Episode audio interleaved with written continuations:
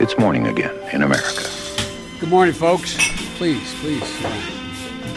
Come on, let's go. Let's go get some coffee. Thank you very much. Det er mandag 7. september, det er 22 dager igjen til den første TV-debatten, 57 dager igjen til presidentvalget, og morgenkaffen er servert.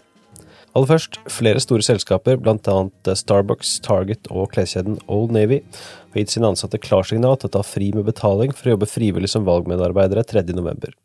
Svært mange av dem som vanligvis er å finne som medarbeidere i valglokalene, er eldre i risikogruppen for covid-19, og det er anslått at man trenger over 450 000 personer til å erstatte disse.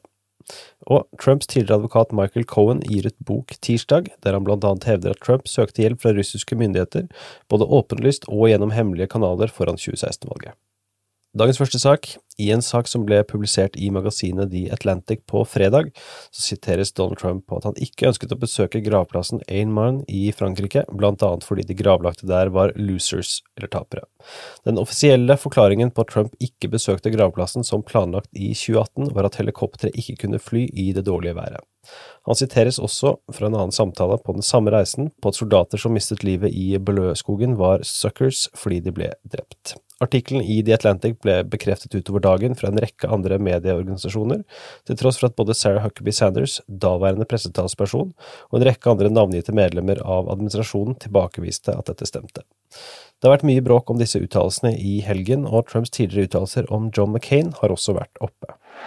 But, but Frank, Frank, let me get to it. He hit me. He's not a war hero. He's a war hero. He's a war Five hero. and a half years He's a war hero because he was captured. I like people that weren't captured, okay? I hate to tell you. Do you He's a agree war with hero. that? He's a war hero because he was captured. Biden kommenterte det slik.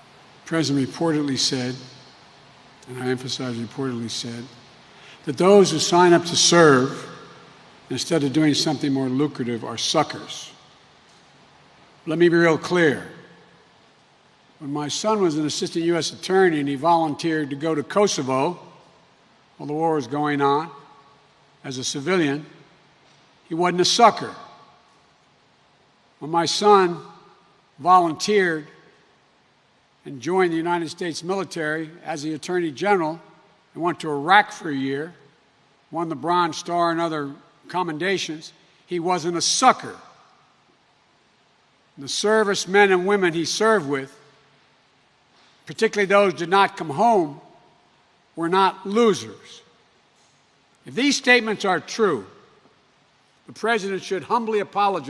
Dagens andre sak, Biden utvider teamet. Joe Biden har lagt til en rekke navn til sitt såkalte transition team, overgangsteamet som skal sørge for et smidig regjeringsskifte.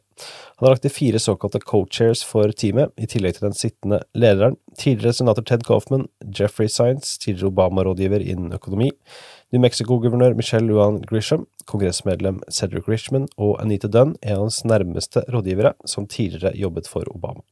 I tillegg har han oppnevnt en rådgivende gruppe på 15 personer, som inkluderer blant annet tidligere presidentkandidat Pete Buttigieg, tidligere nasjonal sikkerhetsrådgiver Susan Rice og tidligere visejustisminister Sally Yates. Dagens tredje sak. På et knippe nasjonale målinger leder Biden stort over Trump nasjonalt, henholdsvis med 10, 10, 11 og 13 prosentpoeng. På helgas nye delstatsmålinger så ser det også lovende ut for Joe Biden. I Michigan leder han 52-41, i Pennsylvania 51-45, og i Wisconsin 52-44 på én måling og 50-44 på en annen. I Minnesota leder Biden med 52 over Trumps 44. Mer oppsiktsvekkende er kanskje en ny måling fra Data for Progress, som gir Biden en liten ledelse i Texas, med 48 mot Trumps 45 Hos Dallas Morning News leder Trump 48-46 blant sannsynlige velgere.